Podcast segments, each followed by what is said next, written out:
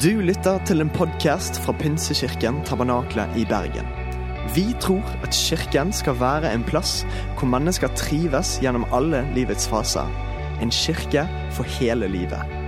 Ønsker du å bli bedre kjent med oss eller holde deg oppdatert? Besøk vår Facebook-side eller ptb.no. Her er ukens tale. Jeg skal få lov til å eh, dele noen ord ifra Bibelen, rett og slett. Og er den eh, salmen jeg skal få lov til å dele ut ifra, er nok en salme eh, som er blitt brukt veldig mange ganger i denne kirken og i flere andre kirker. Som jeg, og kanskje du også, har brukt som en pro proklamasjon. Proklamasjon. Ja, som en måte å snakke inn i mitt eget liv. Eh, når kanskje ikke klarer å sette ord på de tingene sjøl eh, i det å finne hvile i Gud. Og det er den nydelige salmen, Salme 23. Og den skal jeg få lov til å lese for dere nå. Og det er en salme av David. Herren er min hyrde. Jeg mangler ikke noe. Han lar meg ligge i grønne enger. Han leder meg til vann der jeg finner hvile. Han gir meg nytt liv. Han fører meg på rettferdighetsstier for sitt navns skyld. Om jeg igjen skulle vandre i dødsskyggens dal Det kan være eksamensperioden din, f.eks. Frykter jeg ikke noe ondt, for du er med meg. Din kjepp og din stav, de trøster meg. Du dekker bord for meg like foran mine fiender. Du salver mitt hode med olje. Mitt beger renner over. Bare godhet og miskunn skal følge meg alle mine dager, og jeg skal bo i Herrens hus gjennom alle tider. Hva er det egentlig med denne salmen her som gjør at vi liker den så godt? At den blir brukt så mye? Altså, det er ganske mange salmer som finnes i Bibelen, men dette her er en slager og en mange har hørt. Den er jo ganske konkret. Samtidig så er han meditativ og tankefull. Den er trøstende. Han peker på Jesus. Han bringer håp, og han bringer hvile. Og så kanskje er det noe med salmene vi sitter pris på, at de er kunstneriske, og at eh, jo mer vi studerer dem, jo mer gir de oss. Og jo mer man studerer dem, jo flere nye ting finner man. I dag skal vi snakke om hvile. Og det er litt rart, men også litt logisk, men i alle fall veldig interessant, at det å finne hvile i Jesus er noe av det vi som kirke, som kristne, strever mest med. Selv om vi lever og tror på verdens største nådebudskap, så er det fortsatt så vanskelig. Så hva lærer denne her salmen oss om det å hvile i Gud? Og Jeg tenkte jeg skulle peke på tre ting, og det er så mye å peke på, men vi tar disse tre her nå. Og det første, det er Herren er min hyrde. I Matteus 10, 11-12 så kan vi lese dette. Jeg er den gode hyrde. Altså en gjeter, en som verner om, en som leder an. Den gode hyrde gir sitt liv for sauene. Men den som er leiekar, den som er vikar, og ikke, eh, men den som er leiekar og ikke hyrde, og som selv ikke eier sauene, han forlater dem og flykter når han ser ulven komme. Og ulven kaster seg over dem og sprer flokken. Jesus, han er den gode hyrde. Den gode hyrde gir livet sitt for sauene. Han er ikke bare den gode hyrde, men jeg vil si at Jesus han er den beste hyrde. Og den største hyrde. Sendt av sin far ned til jorden for å leve som et menneske som deg og meg. For å kjenne på sorg, for å kjenne på smerte. Og ved å dø en pinefull død på et kors valgte han å ta på seg all vår skyld og all vår skam og alle våre feil og alle våre mangler. Ingen vikar kunne gjøre det Jesus gjorde. Han gikk i døden for deg. Og Jesus, han overvant døden. Han sto opp igjen etter tre dager. Og gjennom hans død og gjennom hans oppstandelse så har vi blitt gitt tilgang på et hjem i himmelen. Og blitt gitt tilgang til å her på jorden ha en personlig relasjon med Gud. Det, dere, det er noe vi kan hvile i. Det andre vi kan trekke ut ifra dette her, er at vi skal ikke frykte. Matteus 6, 33-34 sier dette. Søk først Guds rike og hans rettferdighet. Så skal dere få alt det andre i tillegg. Så gjør dere ingen bekymringer for morgendagen. Morgendagen skal bekymre seg for seg selv. For hver dag har nok med sin egen plage. Vi skal ikke frykte. Vi skal ikke bekymre oss. Og Hvis du har vært her på gudstjeneste før, så har du fått den samme påminneren uke etter uke etter uke, nemlig Guds velsignelse over deg og ditt liv.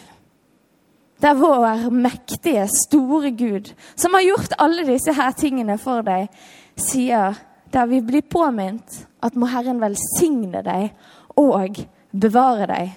Det er ganske stort, for han gjør det også. Han lar sitt ansikt lyse over deg, og han er deg nådig.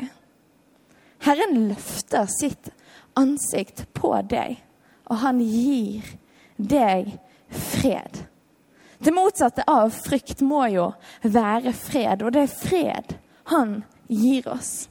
Og Gud sier at du og meg, vi skal ikke frykte, for vi er blitt gitt fred. Og vi er blitt gitt framtid.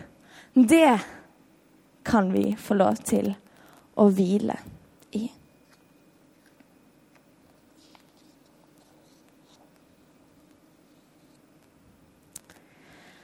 Det tredje det er at Gud, han er med deg alle dager. I misjonsbefalingen så leser vi det. Gå ut og gjør alle folkeslag til disipler, idet dere døper dem til Faderens og Sønnens og Den hellige ånds navn. Og lære dem å holde alt det jeg har befalt dere. Og se, jeg er med dere alle dager inntil verdens ende. Eller 1. Johannes 1,9, der vi leser men dersom, men dersom dere bekjenner våre synder, er Han trofast og rettferdig, så også Han tilgir syndene og renser oss for all urett. Gud, han er med oss alle dager. Det var litt artig tidligere på formiddagen i dag. Da ble det sånn skikkelig sånn antiklimaks i gudstjenesten. Som egentlig var bare sånn veldig sånn Bare beskrives som hvordan verden er nå. Fordi vi har eh, fått eh, mange fra Ukraina til kirken vår. Og det sto to eh, venner av oss her som sang en eh, bønn for Ukraina, be for Ukraina. Eh, og jeg satt her med tårer i øynene. Eh, det er frihetsdagen i dag. Og så vet vi at det er noen som ble fratatt sin frihet i sitt land. Eh, som sto her og liksom bare ba for landet sitt. Og jeg tror det var flere av meg som satt og tørket liksom, tårene, etterfulgt av liksom, en løve som kommer inn på scenen etter at de har gått ned, og vrikker på rumpen og forteller liksom, at barnet skal ned og danse i barnekirke. Men det er sånn det er, da. Det er den realiteten vi faktisk lever i. Men det som var så vakkert i den sangen, det var at de sa at Gud, han er med. Gud, han er med i alle perioder. Gud, han er med. Johannes 24, 16, der står det Men talsmannen den hellige ånd, som far skal sende i mitt navn, skal lære, deg, lære dere alt og minne dere om alt det jeg har sagt dere. Den hellige ånd, han er med deg. Jesus kunne ikke være her for alltid. Så Gud er med dere alle dager, og han sendte sin Hellige Ånd til å gi deg fred til å snakke sannhet inn i ditt liv. Og når du går igjennom disse mørke tidene, disse gode tidene, så skal du få lov til å vite at han er nær, og han skal gi deg riktig ord til riktig tid, og han vil fylle deg med fred. Han er alltid med, og det kan vi få lov til å hvile i.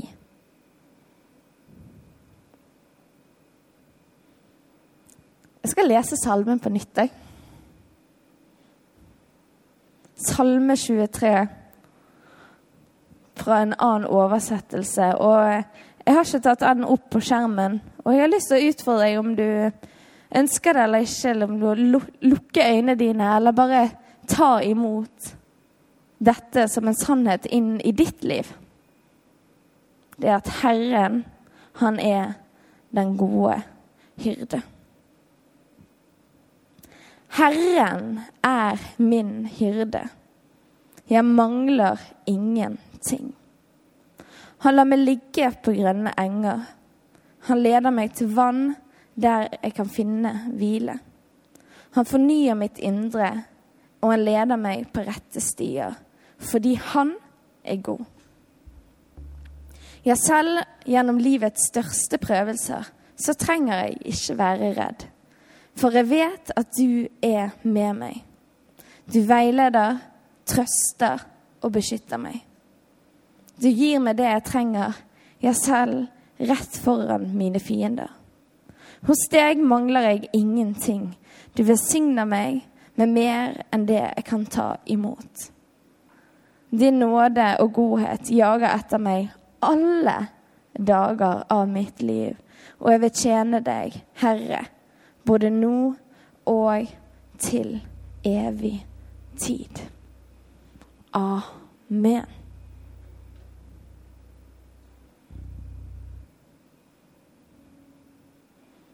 Jeg vet ikke hva som er din situasjon her, men jeg gikk dette her i møte med tanke på at det er nok flere som har kjent på at mai kan være en måned preget av stress, preget av uro. Jeg har lyst til å oppfordre deg til å bare bruke det verset. For av og til så prøver man å bare finne den roen sjøl, men vi vet at du har fått gitt Den hellige ånd, som kan fylle deg med ro, som kan gi deg fred, som kan gi deg oppmuntring, og som er der med deg hele tiden. Og i forberedelsene til dette her så har jeg hørt eh, to sanger på repeat. Den første er David André sin nyeste sang, så du må høre. Men den andre er eh, en nydelig sang fra en omdiskutert prest som har laget fryktelig mange fine sanger. Og det er 'Jeg ser' av Bjørn Eidsvåg. Og der synger han sånn 'Jeg ser at du er trøtt, og jeg ser at du har det vondt', eller jeg ser, 'Men jeg kan ikke grine det for deg', eller 'Jeg kan ikke ta det for deg'. Jeg ser du har det tøft eller jeg ser du har det vondt, men jeg kan ikke hvile for deg. Jeg tror det er noe med det. Men så sier han også 'jeg kan gå der med deg'. Og i denne konteksten så, så er det nok også snakk om at Gud, han, han sier også det at 'jeg gir død til liv for deg', men den sier også 'jeg vil gå der med deg'. Jeg har lyst til å ta to ting ut ifra det. Jeg tror at du som sitter her, du kan få lov til å hjelpe den du har rundt deg, til å gå til Jesus. Vi kan hjelpe hverandre til å finne hvile i Han. Men vi kan også hjelpe hverandre til å slappe av, til å rette fokus på riktig sted. Vi er et fellesskap, vi er en kirke. La oss være folk som backer hverandre. Og hjelper hverandre og trekker hverandre nærmere Jesus.